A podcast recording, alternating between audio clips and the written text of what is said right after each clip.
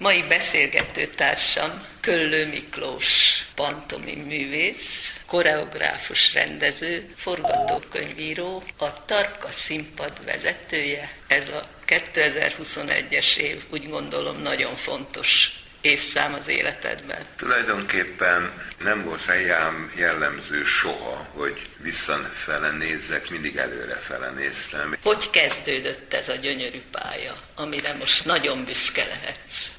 Sok-sok negatív ért engem, negatív érzelmi csapásért kiskoromban, gyerekkoromban. A szüleim egy nagyon kirobbanó, romantikus szerelem után ugyanilyen robbanásszerűen váltak el, és sok-sok sérülést okoztak egymásnak is, meg természetesen nekem is.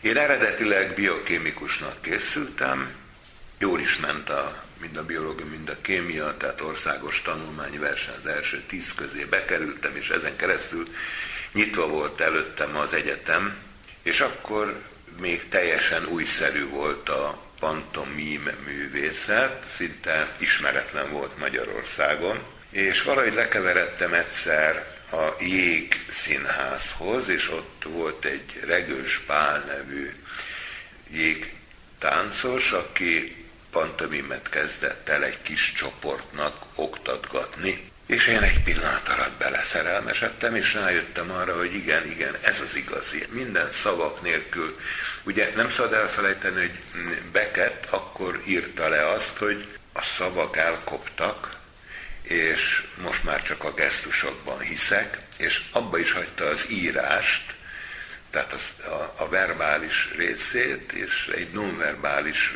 jeleneteket írt. Néma játék egy, néma játék kettő, amit aztán játszottak sokan. Igen, az őszintesség, a, a, a, az egy nagyon fontos dolog volt abban az időszakban a színház művészeten belül, és, és valahol az a fajta fanatizmus és lángolás, ami körbevette az új színházat, színház csinálónak kell lenni. És akkor lehetőség nyílt, hogy kimenjek Prágába, a Ladislav Fialka világhírű színháza indított nemzetközi kurzusokat is, hogy akkor azt el kéne végezni, meg kell tanulni ezt a műfajt, ez nem, nem megy másképp. És akkor, de hát ez pénz kellett volna. És akkor romantikus életemnek egyik szakaszában akkor elkezdtem vagont kirakodni, meg bulgárkertészek elmentem a Soroksára. És akkor eh, csináltam én minden őrültsét, kémia ötre elmentem az Egyesült Gyógyszer és Tápszergyárba, klorgázba dolgozni, mert ott ugye veszélyességi pótlékot is fizet. Boldog időszakok voltak, mert tudtam, hogy eh, bár szenvedéssel járt, úgymond, vagy egy kicsit kellemetlen volt, de hát a cél irányába vezetett, és ez volt a fontos. Ez volt a tanulás első szakasza, nem? Az élet tanulásának, a valóságnak az első szakasza, mert ez nagyon fontos, hogy a saját bőrén érezze valaki, hogy, hogy mire nem, nem, nem könyvekből lehet megtanulni ezt, ezt ott kell lenni. Következő lépés, elvégezted ezt. Hazajöttem, hazajöttem, és hát itt álltam, mint világ megváltó tervekkel, meg ötletekkel, de hát ezen kívül más nem volt terv és ötlet. És akkor, hogy, hogy nem, meghirdettük ezt a MOM művelődési központba kerültem, és akkor oda jöttek, és mondták, hogy akkor nem akarok-e itt esetleg csinálni egy csapatot. És akkor meghirdették. Mögém állt egy intézmény. Ez sokat számított. Elindult egy olyan folyamat, ami nagyon érdekes volt, hogy egy öngerjesztő folyamat. Tehát egyre többen jelentkeztek, egyre tehetségesebb emberek jelentkeztek, egyre jobb alapképzettséggel rendelkező emberek jelentkeztek, stb. stb. Anélkül, hogy én ezt, ebbe bármit tettem volna, és egyszer csak megszületett a, a akkor legendás Dominó pantomim együttes. Honnan kapta a nevét ez az együtt? Ez a fekete-fehér színből tevődött akkor még össze, mert ugye a kezdet-kezdetén természetesen ez a fehér arc azért volt kitalálva, hogy minden karakter, minden figura megjeleníthető legyen, hogy semleges legyen az arc, és ezen keresztül bármilyen karakter, férfit, nőt, időset, öreget, gyereket, bárkit föl lehet rajzolni, el lehet játszani egy ilyen semleges arccal. Ez innen indult. A ruha volt fekete. A ruha fekete, igen, igen vagy és a fej és a, a haj is le volt takarva egy fekete sapkával, mind a Pierrónál, ami az a legendás film a Szerelmek városában, a Jean-Louis Barrault, aki a nekem a örök példaképpen volt, van, marad. És nagyon sok darabot dramatizáltam, írtam át, mim nonverbális játékká, tehát így a Thomas Mannnak az elcserélt fejei. Bosnak a, a, híres triptikonját dolgoztuk át, a gyönyörök kertjét, vagy, vagy zenei ihletésű Liszt Ferenc úr boldogságos pokoljárása, ez már egy jóval későbbi dolog, és a Gogol Panoptikum, ami mondjuk ténylegesen egy, megint egy más.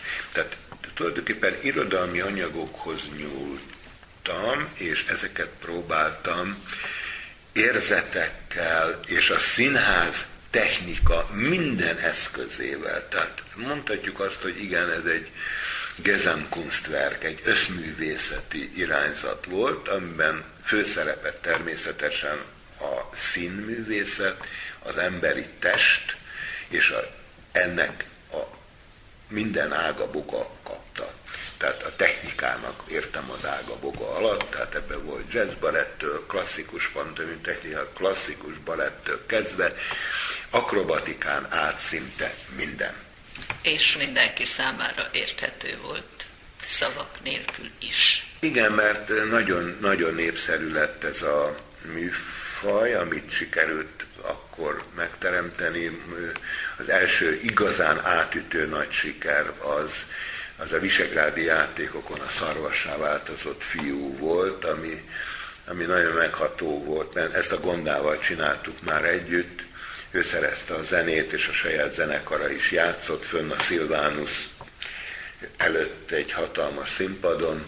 Nagyon érdekes volt, mert Juhász Ferenc is lejött, a Berek Katival, és, és egy megható jelenet volt az előadás végén, mert odajöttek, és mind a ketten sírtak, és akkor én csupa víz voltam, csatak voltam, ugye hát egy ilyen előadás, ilyen szarvas után rengeteg, nagyon kemény fizikai munka is volt, és akkor meg a János is ott volt, és akkor átöleltek minket, és nem mondtak semmit, csak sírtak és szorítottak magukhoz. Olyan jó volt ez. Ilyen, akkor még történtek ilyen dolgok.